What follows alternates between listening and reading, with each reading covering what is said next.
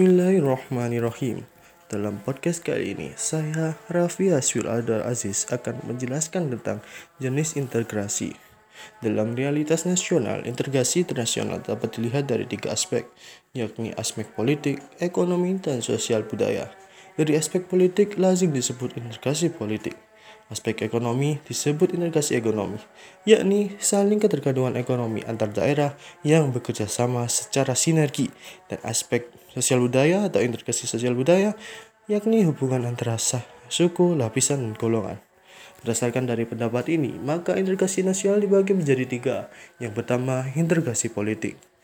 Dalam tatanan integrasi politik terdapat dimensi vertikal dan horizontal. Dimensi vertikal bersifat menyangkut hubungan elit dan massa, baik antara elit politik dan massa pengikut atau antara penguasa dan rakyat untuk menjabat tangani celah perbedaan.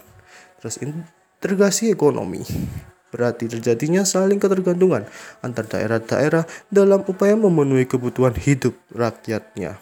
Yang ketiga adalah integrasi sosial budaya yang merupakan proses penyesuaian unsur-unsur yang berbeda dalam masyarakat sehingga menjadi satu kesatuan. Unsur-unsur ini meliputi dari ras, etnis, agama bahasa, kebiasaan, sistem nilai, dan lain sebagainya.